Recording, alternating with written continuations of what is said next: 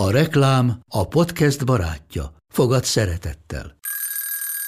Indítsd jól a napod egy csészen eszkaféval. Élvezd minden reggel a gondosan pörkölt kávészemek telt ízvilágát, az Európában 100%-ban felelős forrásból származó kávéból készült Nescafé klasszikkal. Tudj meg többet fenntarthatósági törekvéseinkről a nescafé.hu oldalon. Nescafé. Új lehetőség minden csészében. Ez reklám volt, jó volt.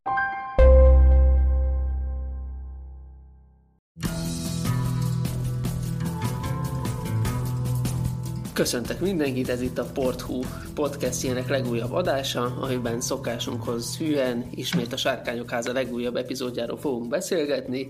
A stúdióban, illetve a mikrofon mögött eh, Baski Sándor. Sziasztok! És természetesen itt van velünk Szűcs Gyula is. Köszöntöm a kedves hallgatókat! Na, hát még mielőtt beszélnénk a harmadik epizódról, amiben megérkeztek a sárkányok Gyula nagy örömére, azért beszéljünk arról, hogy mi történt ebben az egy hétben, amíg hogy a második és harmadik rész közötti üres járatban, hogy kicsit mintha elült volna a hype, nem tudom, hogy ti ezt hogy, hogy éltétek meg, de én, én nem találkoztam semmilyen botrányos hírrel, igazából, mint hogyha ebbe az egy hétben megszűnt volna a Sárkányok Háza univerzum létezni, mert ugye előző héten eldurogtattak mindenféle fontos breakinget, hogy jön a második évad, hogy óriási volt a nézettség, stb. stb. és a harmadik epizód előtt meg, mint hogyha mintha nem, nem történt De, de semmi. volt, volt azért, volt azért. Én meg is írtam a portra, hogy most már a, ennek a sorozatnak is megvan a maga kávés pohár gétje. Ugye az annó a nyolcadik évadban volt, hogy valami latte macchiato ott maradt a Daenerys előtt a lakoma jelenetben, és nem, hogy hetekig, hónapokig ment a vita arról, kicsit már szerintem viccet is csinálta belőle, hogy mindenki nyilatkozott, de mindenki másra fogta, hogy az egyik színész tréfálta meg a másikat, elcseszte egy kellékes, direkt hagyták benne, hogy majd akkor erről fog csámcsogni a sajtó, és nem arról, hogy milyen rosszak az utolsó évad részei. Úgyhogy hát vagy emiatt, vagy tényleg egy, egy baki miatt itt, és akkor spoileresek leszünk, ezt ugye mondjuk el most is, szokás szerint spoileresek vagyunk. A, ugye jó Targaryen királyunknak üszkösödik az ujja, ezt már ugye epizódok óta tudjuk, és mivel itt már sokat ugrálunk a, az időben, itt most elérkeztünk oda, hogy már le is vágták neki elvileg két ujját.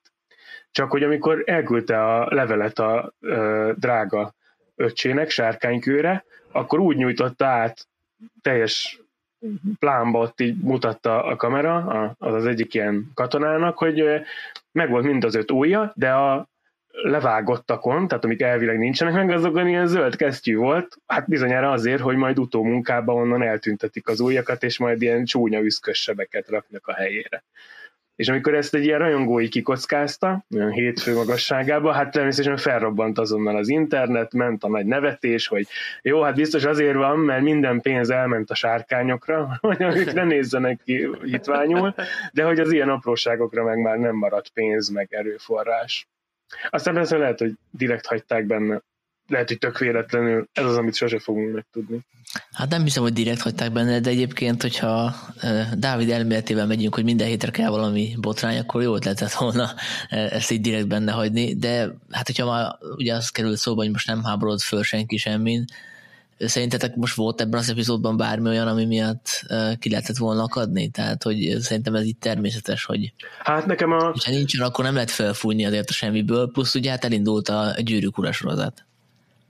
Na hát igen. Mondjuk nekem, bár nagy horrorfilm rajongó vagyok azért a végén, amikor ott ennek a kis lázongó csávónak a, nem csak a fejét hozta el a, a Daemon herceg, hanem úgy vágta le a fejét, hogy a felső testével együtt, és ott ilyen kiomló beleket húzott a tengerparton, az azért úgy, ne, ott úgy felsziszentem. De most kiírták az elején, hogy lesznek ilyen felkavaró jelenetek, úgyhogy készüljön mindenki hányó zsákkal, hogyha esetleg ezek felzaklatják.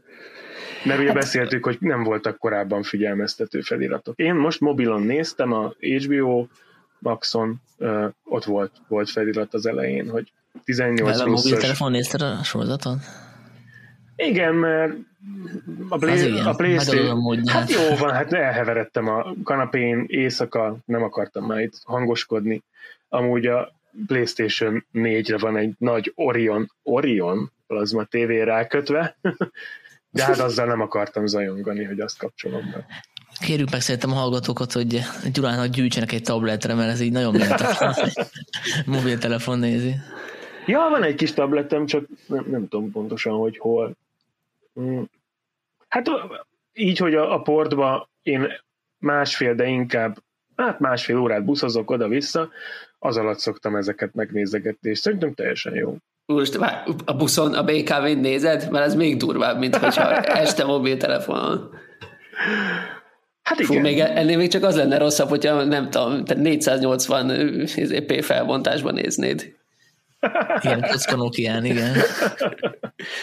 Na, de amúgy nekem nem az az elméletem, hogy minden hétre kell valami botrány, csak, csak ez olyan az első két hét ilyen nagyon felfokozott hangulata után, ez olyan, olyan volt, mint hogyha egy kicsit ilyen a, marketingesek bealudtak volna, és közben valóban az van, Sanyi, amit mondtál, hogy, hogy itt azért lehet, hogy egy kicsit meg is ijedtek attól, hogy a, az Amazon pedig pénteken elindította a hatalom gyűrű sorozatot, ugye a gyűrűk sorozatot, és és lehet, hogy emiatt egy kicsit, kicsit, kicsit megijedtek, viszont azért hát észnél voltak a marketingesek, mert kicsit, sikerült azért megtrollkodni ezt a premiért, ugye. Az HBO kirakta YouTube-ra a Sárkányok háza első részét, plusz hát a, magyarországi HBO biztosan meglépte azt a zseniális trükköt, hogy azért figyelmeztette a fantasy rajongókat, hogy amúgy náluk megtekinthető a, az eredeti trilógia is. Tehát, hogy nem kell az Amazonhoz rohanni, hogyha gyűrűk urát akar nézni az ember, hanem Ez tessék jó. náluk ott van.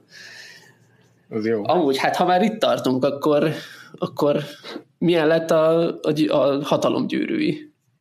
Volt, voltok a félni az HBO-nak, vagy, vagy nem? Hát szerintem teljesen más ligában játszik a kettő. Én mind a kettőt követni fogom, de valahogy valószínűleg tudatosan a gyűrűk ura sori az, az, az teljesen így az ellentéte a, a, a Sárkányok házának. Ugye a Sárkányok háza, ahogy beszéltük is, egy Shakespeare kamaradráma, sorsfordító eseménynek, események történnek a tanácsteremben és, és véres lovagi tornákon, és, és mindenféle olyan helyeken, ahol, ahol vagy harcolnak, vagy intriká, intrikus emberek beszélgetnek. Na, a Amazon sorozata ennek az ellenkezője, ez megint egy iszonyat pénzből, hát tényleg itt ilyen, ilyen egy milliárd dollárok röpködtek már évekkel ezelőtt is, iszonyat pénzből megint leforgattak egy ilyen új-zélandi tájakat bemutató ilyen országimás filmet, hát amiből mellékesen ilyen nagyon szép jelmezekkel, meg nagyon szép hegyes elffülekkel felpakolt emberek így, így beszélgetnek ilyen nagyon cikornyásan. Aki szerette a regényeket, Tolkien regényeit, aki imádta a filmváltozatot, ami a sok hibája ellenére szerintem nagyon-nagyon jó volt, ennél jobban nem lehetett volna akkor Peter Jacksonnak megfilmesíteni egy eleve megfilmesíthetetlennek ítélt könyvet. Még a Hobbit is így látványban így, így hozta a nagy elődöt, úgyhogy azt is sokan szerették. Ez ugyanaz, ugyanaz a vonal. Tehát, hogy jó, kicsit furcsa, hogy az elfek itt már nem annyira szépek, mert láncos színészek játszák, meg, meg itt is. Az a bajom, hogy nem nagyon vannak ismerős emberek, mert sztárokat leszerződtetni már szerintem nem volt pénz, elment minden a kellékekre, meg a tényleg az utolsó lefentyűig és csavarig legyártott páncélra, de nagyon jó, nosztalgikus utazás középföldére. Hát abba, aki akar, belemehet, hogy most itten a van-e szakálla a törpe nőnek, vagy nem, miért nem? Hófehér mindenkinek az ábrázata, hogy azt egy fantasybe illik, ugye, ami hát hülyeség, hiszen fantasy, tehát pont nem olyan dolgok vannak benne, mint amit nálunk a Földön. Nekem minden változtatás, meg ilyen kánon ellenes újítás belefért, nem, nem, volt, nem volt gondom. Kicsit az volt talán baj ezzel a sorival, hogy, hogy ez is ilyen biztonsági játék, hogy ami a filmekbe bevált, tehát, hogy a, a hobbitok aranyosak, és akkor ott izé főzőcskéznek, nem mernek sehova sem menni a telekhatáron túl, ám van egy, aki nagy kalandokra vágyik, de ez, ez, ez meg ilyen belefér, ezek a nosztalgikus húrok. Ugye van két szereplő, akit régről ismerhetünk, csak ezek még itt a ezer évvel fiatalabb változataik, a Elrond és Galadriel. Én ne, nem tudom, kiről beszélsz, mert én nem, se nem követem, se nem szeretem a gyűrűk urát, szóval. Úgyhogy, úgyhogy ebben nem tudok partner lenni sajnos. Szóval mindegy, szóval vannak ismerős karakterek, ez a lényeg. Igen, igen, a, a törpék, a maguk mufurc, bunkó, asztalnál böfögő, de serényen, serényen bányászó módjukon zseniálisak, ott nagyon királyul megcsinálták az összes műorot és műszakállat, és az, hogy így az elfek meg a, a törpék így nem szívlelik egymást, de azért vannak köztük olyanok, akik igaz barátok, de azért így folyton az rikálják egymást, szóval egy ilyen szegény ember uh, Gimli Legolas párosa itt is van, és baromi jól működik. Szóval akkor ez inkább egy, egy mese, ami inkább aranyosabb, mint uh, ehhez képest a trónok, vagy hát a sárkányok háza, ami meg egy, ami inkább brutálisabb, uh, véres fantasy. Vagy, vagy rosszul tettem fel a térképre? Hát azért, hát azért itt is uh, történelemformáló erők uh, gonosz erők gyülekeznek a, a horizonton, mert hogy a főkolompos ugye ebben a történet folyamban is Sauron, uh-huh. és ugye hát itt kovácsolja majd meg valamikor azokat a hatalomgyűrűket, illetve a titokban azt az egy gyűrűt, ami mindegyiket tudja irányítani, amiről ugye a, a gyűrűk ura trilógiában is sok-sok ilyen, ilyen visszaemlékezés volt. És uh-huh. ugye Elrond sem egy kis pályás, hiszen már a gyűrűk ura flashbackjeiben láttuk, hogy ő ugyanazt az utat Isildurral, amit, a, amit Frodoig megcsináltak, a Vézethegyig, ezt már ő is megcsinálta, csak akkor az utitása elgyengült, és nem dobta bele a gyűrűt a katlamba, és hát ezért lett utána később ez az újabb Ramazuri. Tehát, hogy, és ez, ez végül is jó, hogy a sorozat is elrondott tette meg főszereplőnek, aki lényegében az egész életét, azt a több ezer éves időszakot arra tette fel, hogy folyamatosan a gonoszt féken tartsa, hogy az ne ikázza le a, az emberek világát, míg ugye fajtásai valameddig ott lébecolnak középföldén, aztán szépen hazahajókáznak a, az ős hazába.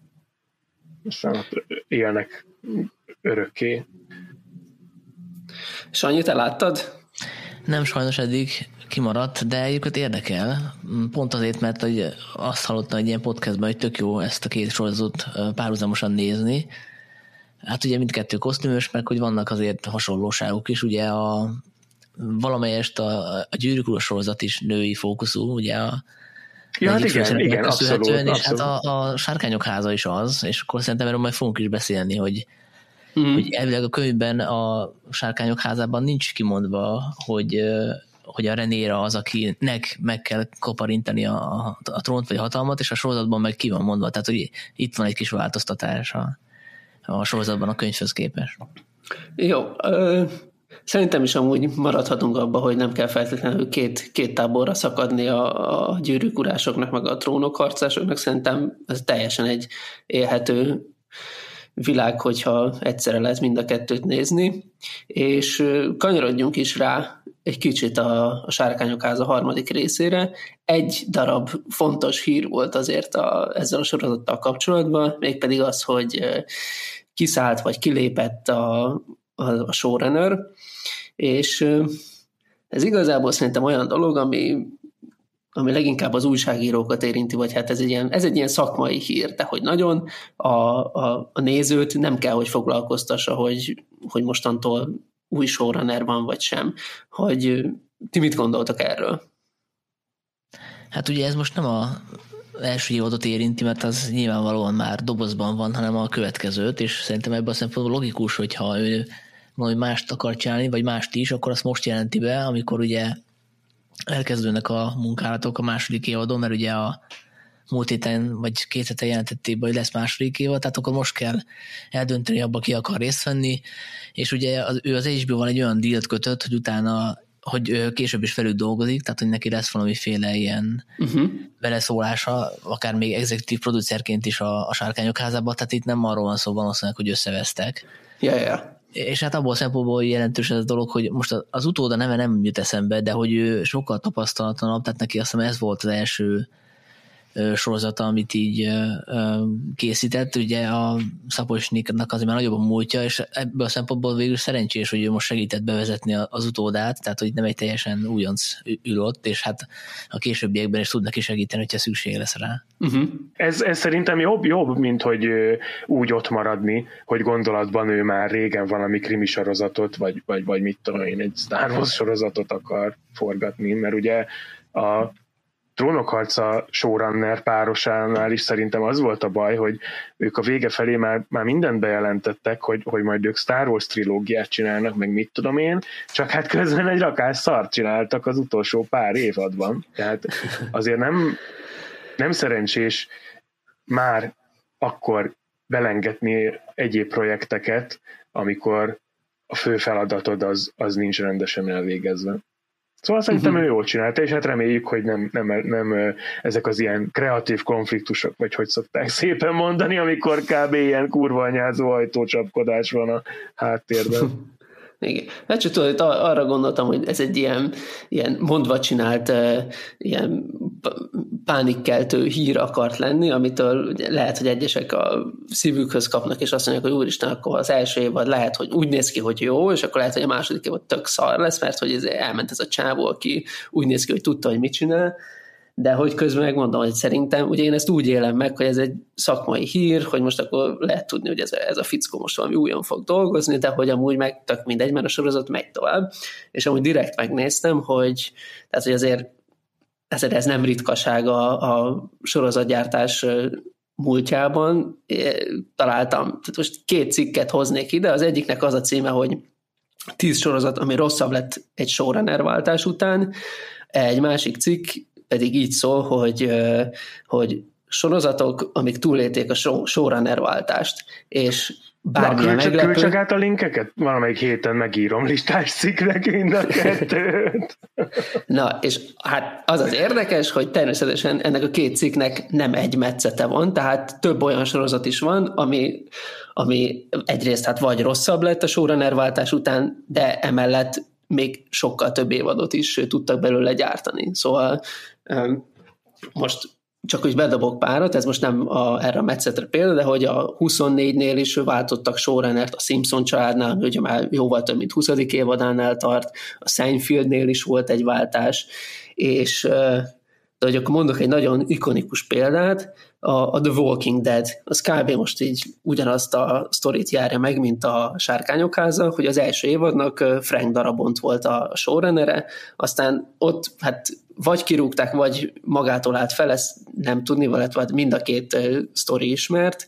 A lényeg az, hogy ott volt egy kis balhé, egy kis nézeteltérés a sorozat jövőjével kapcsolatban, és Frank Darabont lelépett, és hát aztán a sorozat már a 11. évadánál jár, több spin-offot megélt, szóval lehet, hogy, hogy egy showrunner váltás az lényegében nem, hogy nem jelent semmit, hanem tehát, hogy tényleg ez csak egy ilyen egy, egy hír igazából Hollywoodnak, hogy akkor mostantól itt van egy csávó, akinek lehet munkát adni, vagy tud munkát vállalni. Hát egy ilyen bejáratot lennél szerintem, mint a, a, a trónok harca, már azért kevésbé jelentős ez a, ez a hír, mert hogy szerintem a színészek egy része, meg a, a stábtagok, akik dolgoznak, a technikai személyzetők már egy csukott szemben is tudják, hogy hogy kell egy ilyen kosztümös sorozatot megcsinálni. Tehát, hogy szerintem az így inkább az ilyen szerzőibb sorozatoknál idézőjelben okozhat problémát. Nekem most a Dexter jutott eszembe mind negatív példa, hogy ugye az a sorozatgyilkos a sorozat, ahol, Igen.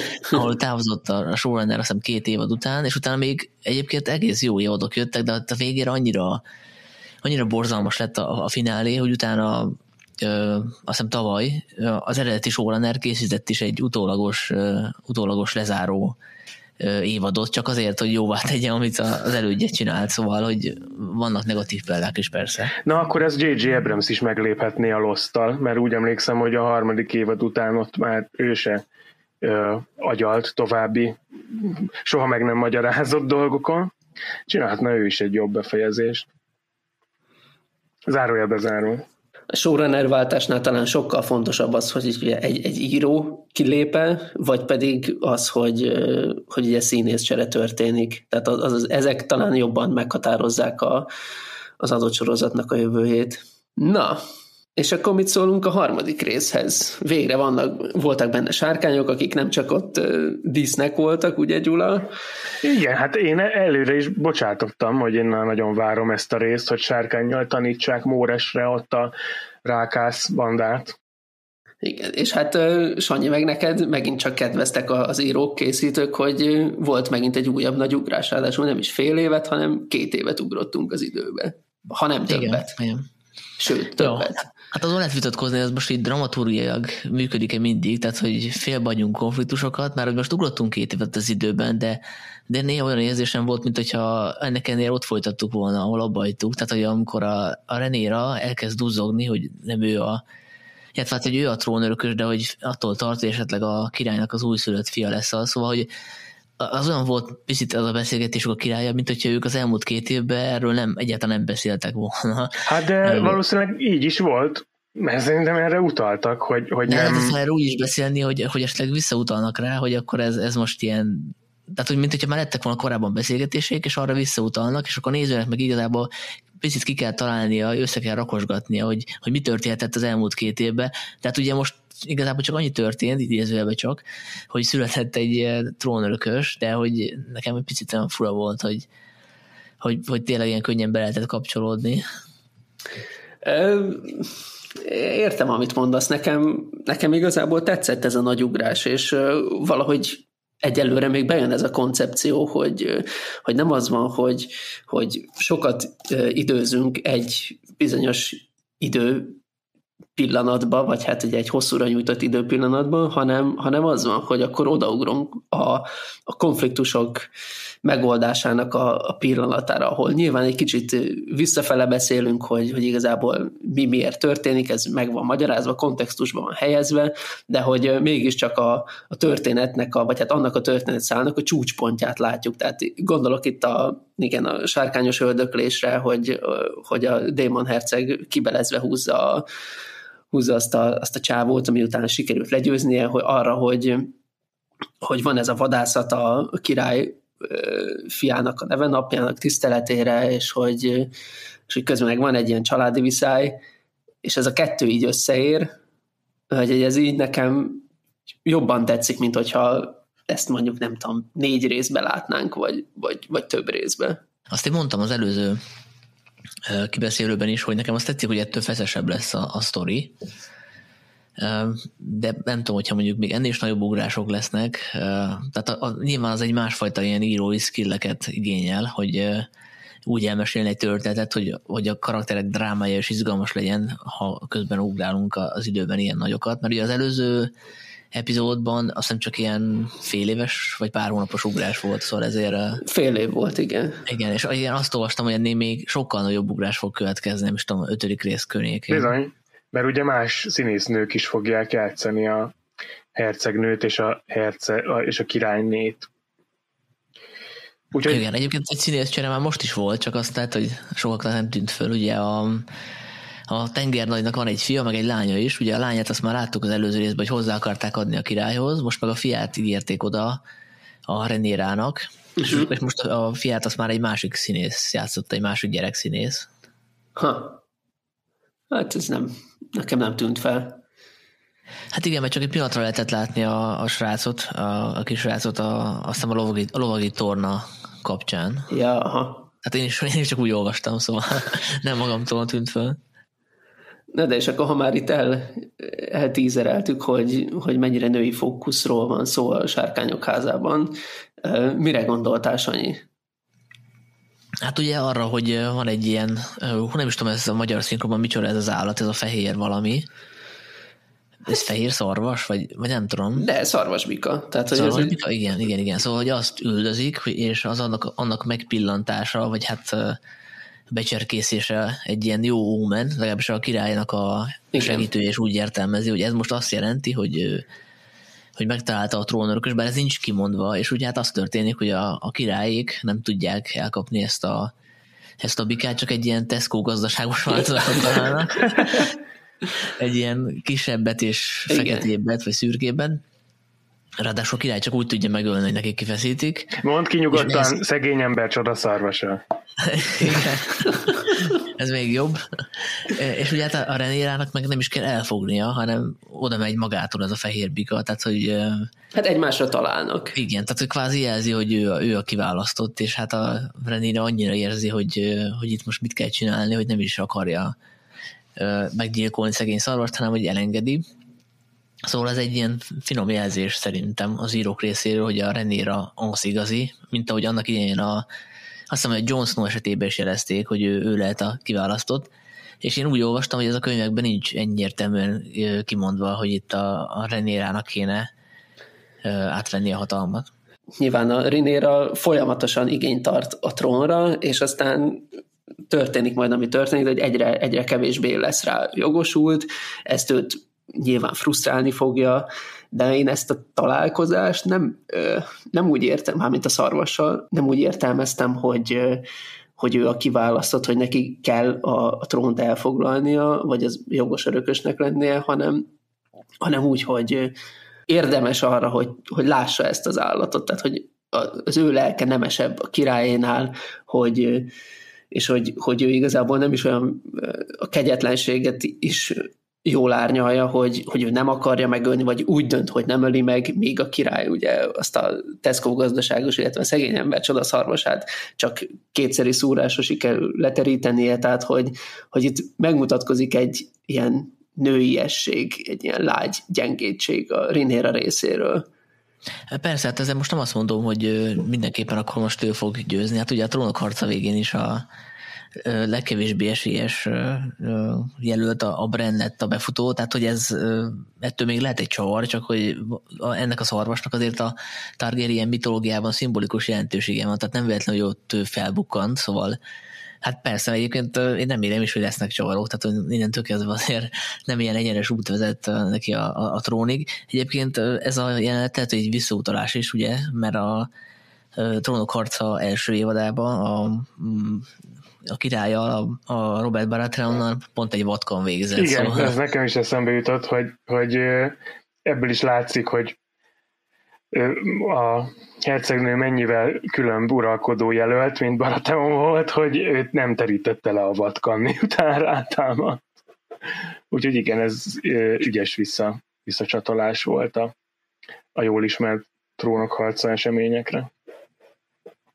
Ja, bocs, közben eszembe jutott, igen, jó, hogy felhoztátok ezt a vatkant, tehát, hogy igen, volt az a támadás, ahol viszont önvédelemből és egy kicsit düböl, de hogy meg kellett, tehát meg kellett ölni azt a vatkant Rinérának, és uh, ugye ez egy ilyen olyan helyzet volt, amikor sarokba szorították, és, és nem tudott más tenni. Viszont amikor higgadtan találkozott ezzel a ezzel a csodálatos teremtménnyel, a fehér szarvasbikával, akkor viszont tudott nyugodtan gondolkodni és meghozni ezt a döntést, hogy ő, ő meghagyja az életét ennek a gyönyörű teremtménynek. Még az apja igen, ezzel ez... szemben ugye elpusztította volna. Igen, igen, igen. Hát ezek a jelentek szerintem nagyon is összefüggnek, mert ugye látjuk a királyt, aki csak úgy tud ö, ö, vadászni, hogy lefogják neki a jószágot, és ugye van a démon, aki, aki gyakorlatilag most jelenti be hivatalosan a, igényét a trónra, mármint, hogy ilyen nagyon látványosan ugye megöli ezt a rákász csávót, és így tiszta véres lesz, és ugye ezzel párhuzamosan a,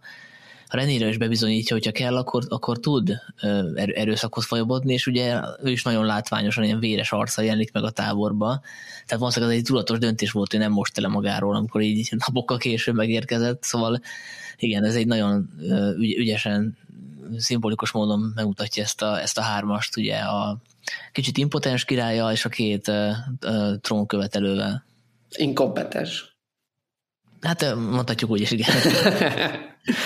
Nyilván szimbolikus értelemben értettem, hogy impotens, Persze. egy gyereke. Igen, de amúgy ugye megkaptuk a sárkányokat Gyula nagy örömére, én viszont valahogy, valahogy azt éreztem, annál a végső csata jelenetnél, meg ugye amire erre az egész epizód kb. erre volt kihegyezve, hogy, hogy ott két vagy három éve szenvednek a lépőköveknél, ezt a, ezt a rákászcsávot egyszerűen nem tudják megfékezni, és, és hogy ott na itt valahol, valahol hiányzott nekem az a, az a vagy itt, itt volt rossz ez az időugrás, hogy, hogy valahogy jobban lehetett volna érzékeltetni azt, hogy, hogy miért nem tudják legyőzni ezt a csávót, vagy, vagy mitől olyan, tehát mit, miért kell tőle rettegni, vagy mi, mi, mi az, amitől ilyen rettenthetetlen.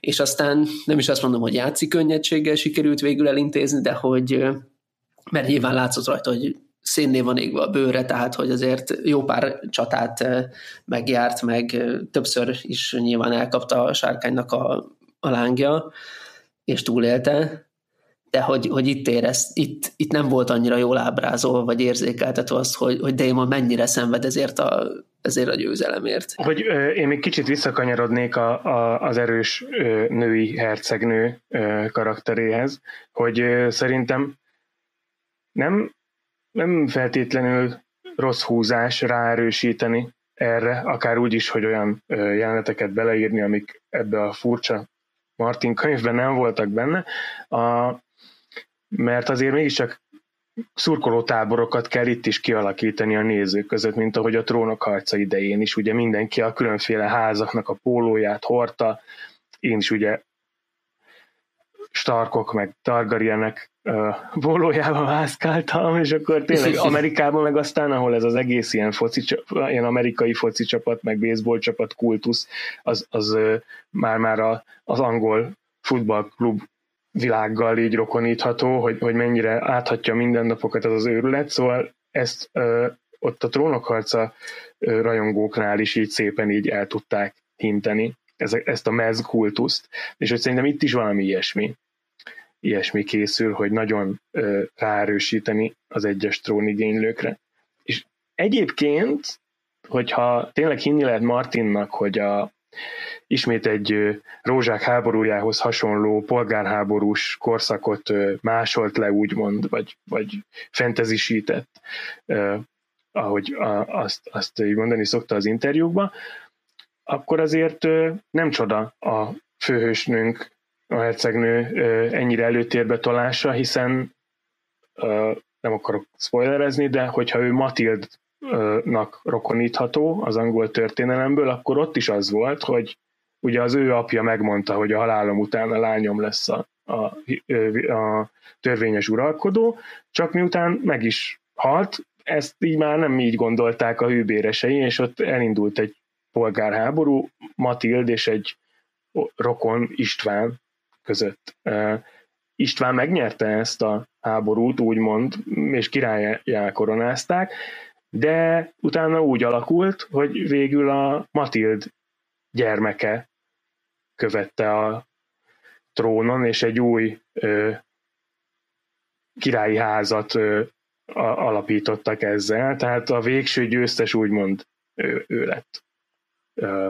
Ezt a nőági örökösödést is kanonizálva, úgymond. Tehát, hogyha hű maradt a történelmi hagyományokhoz a jó Martin, akkor én már most borítékolnám, hogy ki lenne ennek a háborúskodásnak majd a, a végső győztese. Úgymond. Hát, nem olvastam a, a Martin könyvet végig, de nagyon sok interjúban neki szegezték ezt a, ezt a nőági uralom kérdést. Uh-huh.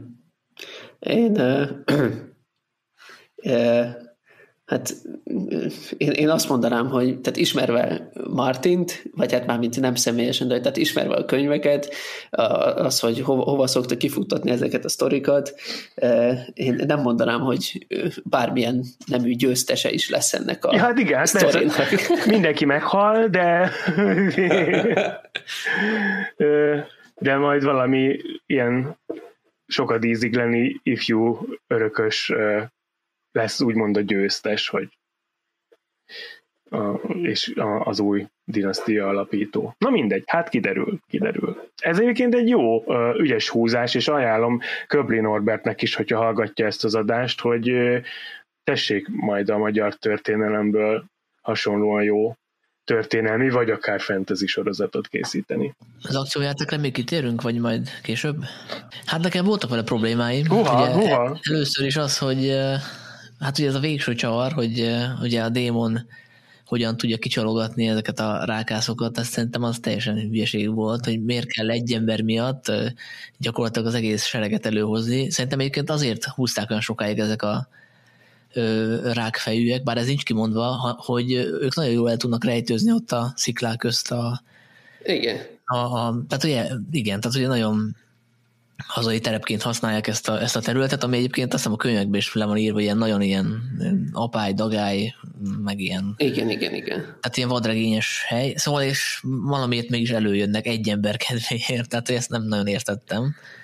Ez gyakorlatilag egy öngyilkos taktika volt a részükről. A másik meg, hogy a, hogy a sárkányok, tehát hogy nekem a, a trónok harc alapján az volt a benyomásom, hogy ezeket a sárkányokat nem olyan könnyű elpusztítani, tehát hogy ugye az ékjának is kellett hozzá egy bazinagy dárda, uh-huh. a, a King's Landingnél is építettek külön ilyen több méteres, ilyen nem tudom, ilyen, az is, az is ilyen dárdaszerű volt, amit így katapultból kilőttek. Igen. Itt meg ilyen tüzes nyilakkal el tudják őket kergetni, tehát nekem nagyon fura volt, hogy ezek, ezek a sárkányok még ilyen kevésbé ö, ütésállóak, vagy mi, mi, mi történik?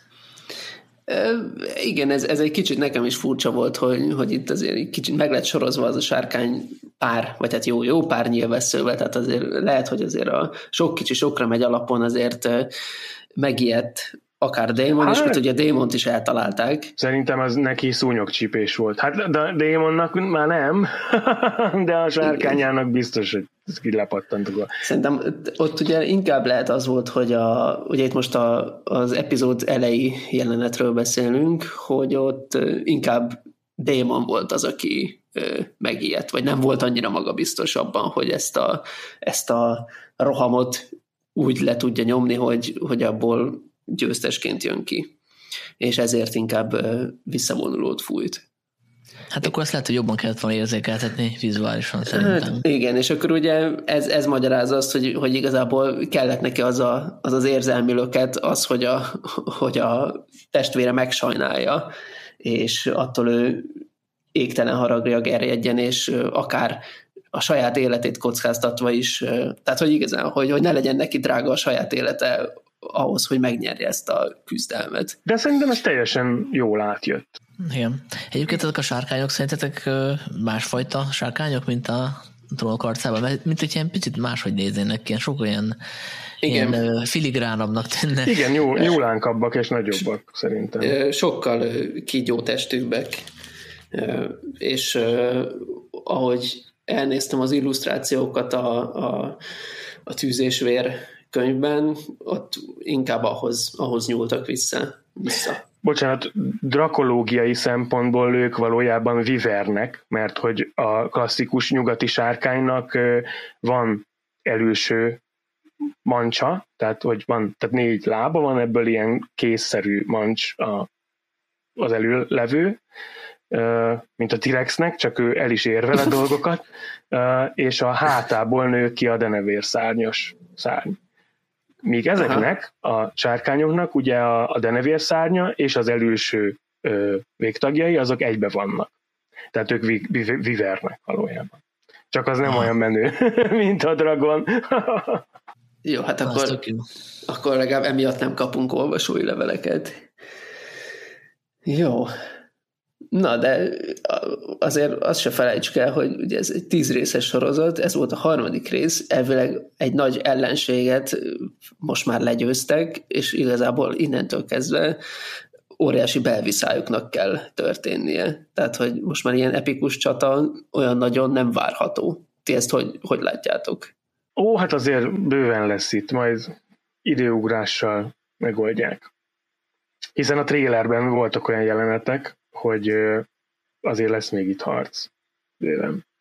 Bőven lesz még itt harc. Én inkább az, erő, én inkább az erőviszonyokra lennék majd kíváncsi, a, a, a későbbi ö, frakciókra, mert hogy ugye nem olvastam el végül ö, Martin vonatkozó könyvét, hanem majd, majd szeretnék így együtt agyalni hétről hétre a könyvet nem ismerő rajongókkal, hogy, hogy mi fog ebből kisülni. Én például komoly, na jó, azért komoly összegben nem, de azért egy piciben fogadnék olyasmire, hogy lehet, hogy itt a hercegnő és Daemon összefognak majd valahogy, tehát egy akolba terelik őket az események, hiszen ugye igen, ott, ott megvolt köztük az összhang, hogy hát még mi vagyunk a két sárkánylovas, akik civilizáltan valíriai nyelven meg tudunk beszélni olyanokat, amikért mások fegyvert ragadnak, meg ármánykodnak, és, és bármennyi emberélet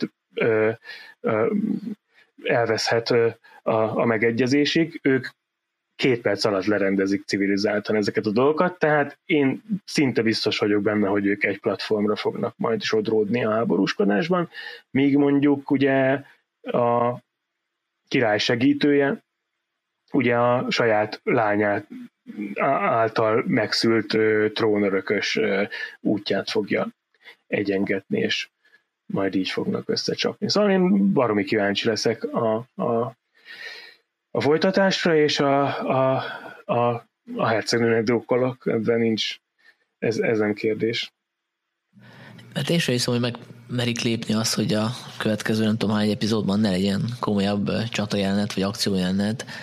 Ugye, amit most láttunk, ez a ö, 10 perces csata a harmadik epizód fináliában, ez is a könyvben állítólag csak egy mondat, vagy két bővített mondat, tehát hogy itt is kibővítették ezt a jelenetet csak azért, hogy legyen valami látványosság, mert azért ezt a kockázatot nem meri bevállalni, hogy leforgatnak egy teljesen sorozatot, ahol csak ilyen tróntermi intrika van, meg, meg hogy ilyen látványos díszletek előtt acsarkodnak egymásra a szereplők, tehát hogy nyilván kell bele az akció is, úgyhogy attól nem tartok, hogy nem lesz több ilyen jelenet. Igen, hát a, a sorozat alapjául könyv azért nem arról híres, hogy oldalakon át húznának akár lényeges, akár lényegtelen csata jeleneteket, úgyhogy azt mindenképp jól tették, hogy ez ebből egy 10 perces jelenet lett. Azt a könyvet Martin írta akkor egyáltalán? Ha nem húz oldalakon keresztül dolgokat.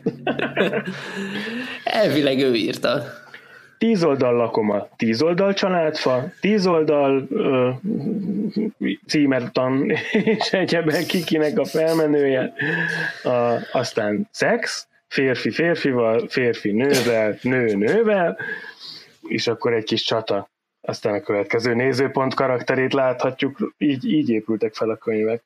Igen. Egyébként itt most általában a Martinnak kérdeztek az alkotók, mert hogy volt egy ilyen királyi vadászat a trónokharcában ha jól emlékszem, és akkor azt a Martin is érelmezte, hogy a könyvhöz képest azért nagyon szegényesen van megcsinálva, tehát látszott, hogy nincs büdzsé, és itt azért most ezt most jobban megcsinálták, tehát hogy itt, itt azért beletették a, a, az erőfeszítést, meg a pénzt, úgyhogy örülhet Martin. És itt akkor volt is egy ilyen kiszólás, hogyha ez igaz, amit mondasz, hogy a, ugye a, a, nem a Targaryen, hanem a, a Lannister ö, csávó mondta, hogy, hogy a te két éves névnapodra csináltak ekkora felhajtást.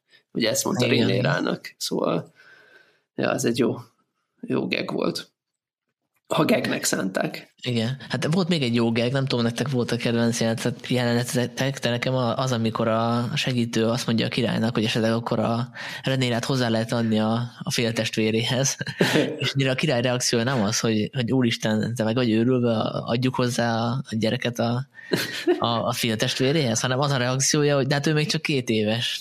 Hát hiszen a, de hát, mert ugye a Targaryenek nél ez így ilyen a vérvonal megőrzése érdekében nagyon sok olyan királyuk volt, aki a saját ö, nővérét, hugát vette feleségül. De persze, persze. De hát, hogy az előző részből már kiderült, hogy ez a király, ez már arra is rácsodálkozott, hogy neki újra kell házasodni, és lehet, hogy egy 12 éves lányhoz, ami egyébként egyáltalán nem volt formabontó abban a... Hát lehet, hogy, lehet, hogy akkor is makettozott, amikor ezt így megtanították neki, hogy az, ez így illik a királyi udvarban. Hát igen, ez, ez a király nem az a hagyománytisztelő Targaryen király, akik ja, annak idején voltak. Azt még mindenképp szeretném itt a műsor vége felé közeledve jelezni, hogy nem, nem olyan uh, buta vagy ilyen fapados az új uh, intro, ahol ugye ezen a maketváron hömpögünk végig a vérfolyammal együtt, mert voltak rajongók, akik kikockázták az egészet, és megnézték, hogy mikor milyen sárkány motivumok, meg egyéb ilyen kalligramok emelkednek ki a, a kőből, és, és utána ö, trónokharca Wikipédiáztak, hogy, hogy az melyik uralkodó volt, stb. stb. És ebben a szempontból baromi jól összerakták azt az intrót. Tehát aki, aki csukafejest ugrott a, a Martin univerzumban, az, az többszörös orgazmust kap, amikor majd ezeket az összeállításokat elolvassa, mert egész egyszerűen zseniális. És akkor még, még így írták a, a rajongók, hogy bár itt a jelenet valószínűleg direkt homályos, és nem tudjuk, hogy akkor ez most melyik uralkodó. Tehát őrült rajongó volt, aki ezt összerakta a stábba. Hát ezt így kell csinálni, ez a profi show business, hogy egy hetente bejelentkező sorozatnál még akkor is legyen valamiről téma, amikor épp nincs. hát akkor csak így tovább, és akkor szerintem arccal előre várjuk, hogy következő héten miről tudunk majd beszélni. Arccal előre várjuk a újabb sárkányok felbukkanását a ködből. Igen. Jó van. Köszönjük szépen mindenkinek a figyelmet, legközelebb újra találkozunk, és addig is iratkozzatok fel mindenhova, ahol jelen vagyunk, és olvassatok rengeteg port.hu cikket. Köszönjük a figyelmet, sziasztok! Sziasztok! Sziasztok!